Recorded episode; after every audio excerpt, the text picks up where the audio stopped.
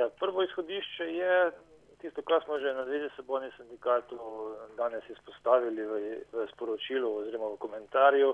Je dogodek, ki se je zgodil 6. augusta, to je torek, in sicer, ko je gospodarska zbornica Slovenije organizirala eh, posvet o, oziroma z naslovom eh, za novo gospodarsko rast in nova delovna mesta. In v okviru te razprave je prišla strani nekaterih gospodarstvenikov tudi ideja oziroma izjava, da bi bilo treba ukiniti minimalno plačo in prepustiti uh, prosti regulaciji na trgu. Na trgu. In seveda zdaj stvar je ni tako enoznačna, kot te nosilci teh izjav razmišljajo oziroma govorijo, ker eh, kot sama mednarodna organizacija dela večkrat znova izpostavljala, tudi v prejšnjem letu, da si ima dala poziv vsem svojim članicam, da naj uvedejo uh, torej minimalno plačo tudi na način, da bo zagotovila dostojno plačilo kot izhod iz uh, v bistvu tega začaranega kroga revščine za vse več zaposlenih revnih. In zdaj tukaj se potem logično sprašujemo, v bistvu v katerem svetu zdaj živijo ti, ti gospodarstveniki, ki so dali to izjavo, da bi manje ukinjene minimalne plače uh, bila pot za večjo gospodarsko rast. Če pa mednarodna organizacija dela, katere člani so tudi predstavniki delodajalci, ki združuje 185 držav na svetu, govorijo treba, o tem, da treba imeti ne samo minimalno plačo, pa tudi takšno, ki ti omogoči dostojno preživetje. Zdaj, če pogledamo recimo za Slovenijo, v tem trenutku minimalna plača je 783 evrov bruto, oziroma če tako pogledamo v neto različici, je to nekje 599 evrov neto.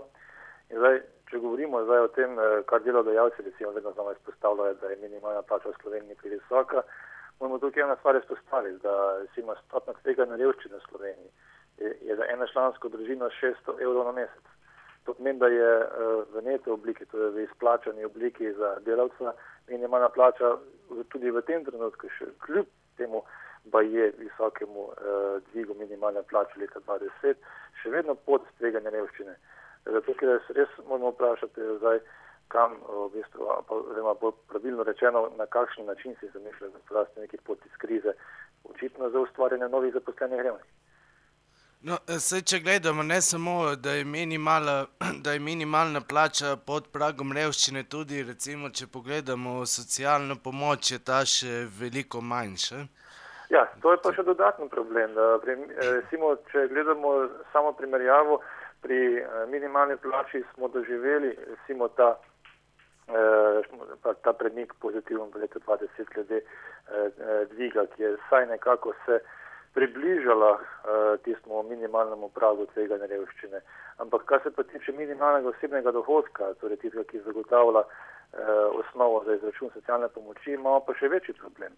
Zato, ker uh, ta minimalni osebni dohodek se je že leta 2009 izračunal, torej to so izračunali uh, strokovnjaki iz Inštituta za ekonomske raziskave, uh, da je v bistvu osnova za preživetje v Sloveniji, torej minimalno 562 evrov. In potem so na ministrstvu za delo sprva rekli, ok, imejmo pač 385 evrov, potem so rekli, imejmo 308 evrov, potem so rekli, imejmo 288 evrov, to je prišlo v zakon v letu 2010 o socialnih vrstnih prejemkih, ampak potem je prišla kriza in so zamrznili ta znesek na 260 evrih. In zdaj si predstavljate situacijo, ko imamo zdaj vse več brezposelnih, tudi mladih brezposelnih, ki ne dobijo nadomestila denarnega, ampak dobijo preko zavoda socialno pomoč kupna moč prebivalstva se niža, cene se višajo in potem imamo vrsta čas, torej teh že zdaj, evo, zdaj že pet let, eh, minimalne osebne dohodke, ki bi mogli biti v bistvu veliko več, kot je že v zakonu zapisan, je pa v bistvu nižji, kot je zapisan v zakonu, 260 evrov. Torej. In zdaj si lahko le predstavljam, kako s tem dohodkom lahko na mesec preživiš. Kakšni pa so temeljni predlogi mednarodne organizacije dela, da bi se recimo situacija izboljšala recimo pri nas ali pa tudi v Evropi, se to je globalen problem? Ja, v bistvu temeljni predlogi se vežejo itak na tudi konvencije mednarodne organizacije dela v ustrezni višini minimalne plače, ki naj zagotavlja neko dostojno preživetje. In tisto, kar je potrebno izpostaviti, je ravno to, kar tudi ILO, torej mednarodna organizacija dela, tudi izpostavlja v vseh svojih dokumentih zadnje čase. Ne samo v tem pozivu, ki ga je dala ven leta 2012, eh, mislim, da decembra 2012. Ampak eh, stvar je tudi v tem, da je mednarodna organizacija dela že leta 2009, v bistvu eh, v svojem dokumentu, ki se imenuje Global Job Spect, je že takrat izpostavila potrebo po določitvi po ustrezni določitvi minimalne plače, ki bo zagotavljala dostojno preživetje. Torej, usmeritve, glavne smernice eh, mednarodne dela so jasne. Minimalna plača, ki mora zagotoviti dostojno preživetje. In to je to. Kaj pa recimo, kakšen je odziv držav, kar se tiče teh usmeritev, verjetno so dosti, recimo, temu nezainteresirane? Ja, tukaj se dogajajo zanimivi premiki. Recimo, eh, države, za katere eh, pred parimi leti sploh ne bi pričakovali, eh, da bi zdaj v bistvu izcitirali kot primere dobre prakse na tem področju, in v bistvu zdaj so prav tiste države, ki jih moramo izpostaviti. Recimo, danes smo tudi na tem sporočilu izpostavili primer Brazilije. Med leti 2002 in 2009 se je višina minimalne plače v Braziliji skoraj podvojila. In kljub temu, oziroma bom celo bolj direktno rekel, tudi zaradi tega, ker se je podvojila, se je v bistvu povečala kupna moč prebivalstva in na mesto BDP se je tudi povečal v tem času in tudi število zaposlenih se je povečalo v tem času. Tako da mene tukaj zelo skrbi ravno to povezovanje ukinitve minimalne plače uh, in konstantno ponavljanje po zniževanju stroškov dela z pot, potjo iz krize, ker to je v bistvu ravno kontra učinek. In tukaj, če to rečejo delodajalci kot tisti krovni argument za pot iz krize, potem imamo v bistvu, rečemo temu, nastavke za novo krizo.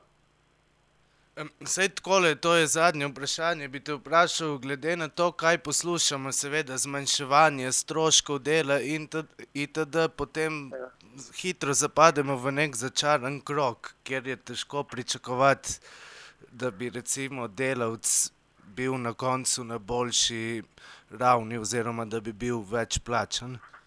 Ja, se, mislim, tukaj se vam bi zelo jasno. Trenutno, ko začnejo govoriti delodajalci o previsokih stroških dela, vemo, da bo v bistvu na koncu šipkejša stranka te eh, aritmetike eh, delavec. Ker vedno znova v tej logiki se bo poskušalo čim bolj zniževati stroške dela, torej čim bolj zniževati plače, torej čim bolj zniževati v bistvu tudi, tudi samo kupno moč prebivalstva, kar pa v bistvu tudi stališče gospodarstva mazohistično. Ker če imaš pa nizko kupno moč prebivalstva, potem v bistvu pa ne moreš na se same tudi zagnati kupne moči, ki zaganja gospodarstvo. In tukaj se mora zavedati gospodarstveniki, da s temi argumenti, torej da se morajo znižati stroške dela, da se morajo ukiniti minimalne plače, v bistvu režejo vejo, na kateri sedijo.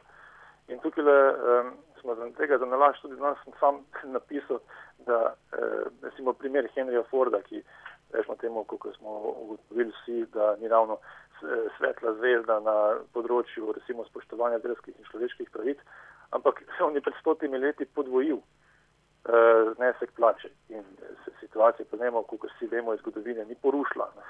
In tukaj moramo vedeti, da pa po drugi strani izjave delodajalcev oziroma gospodarstvenikov glede zniževanja stroškov dela pa vodijo v drugo smer. Vodijo recimo v tip trga dela, ko, kot je recimo povzročil na se zadnje ogromne nesreče, kot so recimo nesreče tekstilnih delavk oziroma delavcev v Bangladešu, ko pač niso imeli oziroma še vedno ni ustrezno reguliranega varnostnega zdravja pri delu, ko recimo gre v smer tudi na se zadnje prostih ekonomskih con, ki preprosto izpohne treba spoštovati delovne zakonodaje, ker je ni. In glavno vprašanje je seveda, ali res želimo takšne situacije, ko je v bistvu človek sam.